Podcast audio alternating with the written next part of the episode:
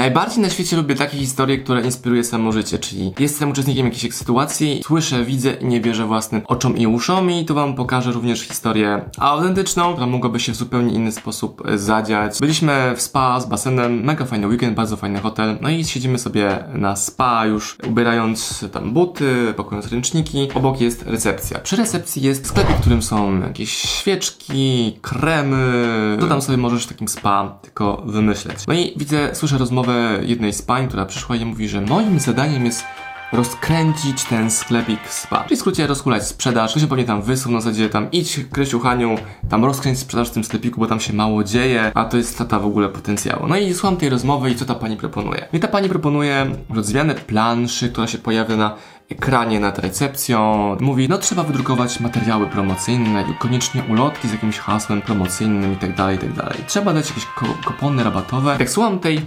wypowiedzi i słucham sobie z boku, widzę, że to, co ta pani robi, to jest podstawowy błąd marketingu, sprzedaży. To dla mnie jest oczywisty, a wiele osób tego nie widzi, stąd wam teraz wyjaśnię, co należałoby zrobić. Punkt pierwszy, jeżeli masz małą sprzedaż, albo zerową sprzedaż, albo masz jakieś ogromne stoki magazynowe, to masz zakaz wydawania pieniędzy. Czyli ona to zrobiła, tworzyła listę wydatków, a nie listę klientów. Czyli musimy zrobić nową planszę graficzną, czyli to trzeba grafikowi zapłacić. Trzeba zapłacić za ulotki, jakieś katalogi, trzeba kupić, trzeba wydelegować, trzeba zrobić. Tak naprawdę ona mówi, ja tego nie będę robić, to ktoś inny zrobi, czyli szefie daj pieniądze, ja to kupię u kogoś. Czyli ona tego szefa okrada. Jest genialna książka, która będzie w OSM Power w tym roku, Dan Kennedy, Alchemia Marketing, który pokazuje złodziei w swoim biznesie. W tym przypadku złodziejem jest ta pani, bo ona okrada szefa firmy z pieniędzy, czasu zaangażowania, tak naprawdę ona sama nic nie robi. No dobra, a teraz jak można by generować sprzedaż bez wydawania ani grama na zewnętrzne koszty. My tam siedzimy, jest luźno, poniedziałek rano, nie ma w ogóle klientów. Można do nas podejść i zapytać, jak się Wam w tym spa podobało. Może zapytać, czy czegoś potrzebujemy. Czyli zwykłe pytanie otwierające dialog, rozmowy z klientem, czy my tam jesteśmy. Wydaliśmy pieniądze na weekend, opłaciliśmy sobie tam pokój, restauracja, dostęp do spa i tak dalej. I my tam jesteśmy klientami, którzy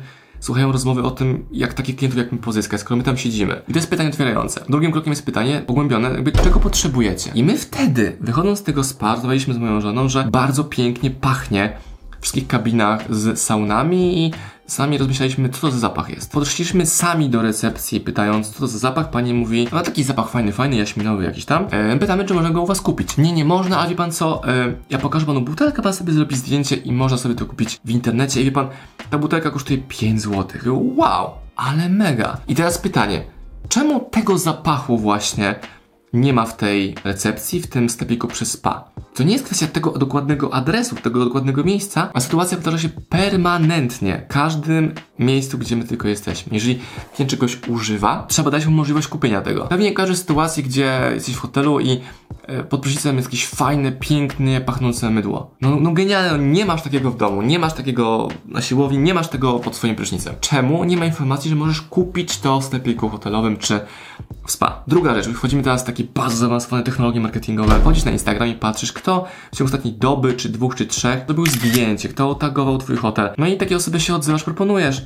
Zwykły voucher 20% to spa. Prezent, podziękowanie za to, że to zdjęcie się pojawiło. To mogą być małe pakunki, małe prezenty symboliczne. Czasami są hotele, które żegnają się z nami, dając taką paczuszkę. Jest tam jakiś sok lokalny, jest słoik dżemu, kartka dziękujemy, zapraszamy. No i to wystarczy, żeby ten klient chciał do ciebie wrócić. Byliśmy w niedzielę na wycieczce, gdzie chcieliśmy dojść do plaży przez hotel z restauracją. Okazało się, że hotel jest otwarty, restauracja zamknięta. Natomiast pani mówi, bardzo przepraszamy, mamy zamkniętą restaurację, bo są imprezy rodzinne, jakieś tam chrzty, komunie, wesela. A to jest voucher, tylko restauracja będzie otwarta w kolejnym dniu, tam do 15 lipca. Mają Państwo na wejściu dwa welcome drinki.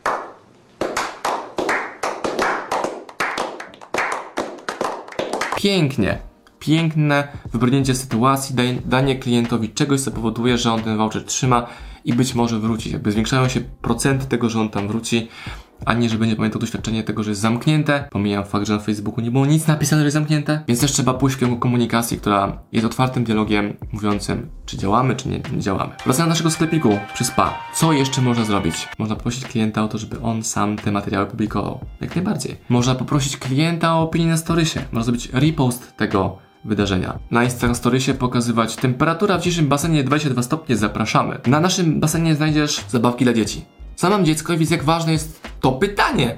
Czy muszę wlec z sobą całą karawanę e, basenową, czy na miejscu znajdę tego dmuchanego łabędzia czy kółeczko. Takie małe rzeczy powodują, że się dzieje różnica. Gdy siedzę w restauracji i trener pyta, czy wszystko smakuje, wszystko w porządku, mówię, tak, te kiełbaski są super, albo mm, super ser, albo gdzie ja mogę takie ciastka kupić? Pani powinna powiedzieć mi, a wie pan, że może pan to wszystko kupić u nas w sklepiku hotelowym przy recepcji? Wow, nie? Mega. Albo niech pan powie, na co pan ochotę, to my zapakujemy dla pana takie rzeczy i będzie pan mógł je odebrać przy płatności. Takie pójście o krok, pójście o krok, pójście o krok. Antyprzykładem tego są najczęściej paniusie, które w lodziarniach robią mi łachę, że nałożą mi mniejszą gałkę lodu dla dziecka albo jakoś podzielą dwa smaki, bo ta się drze, że chce truskawkowe i śmietankowe. Pani mówi, nie, nie mogę tego robić, a ja jako rodzic nie chcę kupować dziecku dwóch gałek loda i robią problem z takiej małej pierdoły w momencie, gdy jest pusto w danym sklepie. Rozumiem, gdy jest mega tłok, trzeba bum, bum, szybko, szybko, szybko.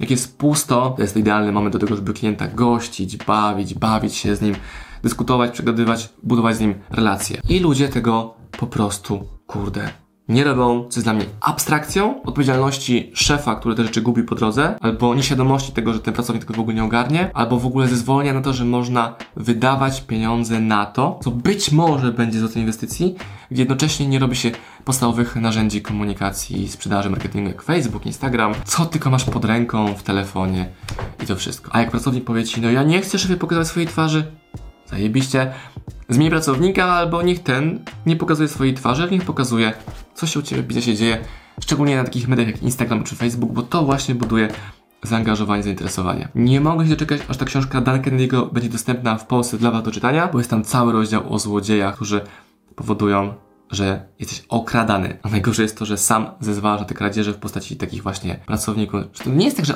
że ktoś ci kradnie świeczkę z swojego stoiska, albo ci kradnie książki mi z regału, albo nie podjada ci w kuchni, bo ja pracuję w restauracji. On ci zabiera potencjał, czas, pieniądze, przede wszystkim to, że nie obsługuje klienta, a do tego jest stworzony.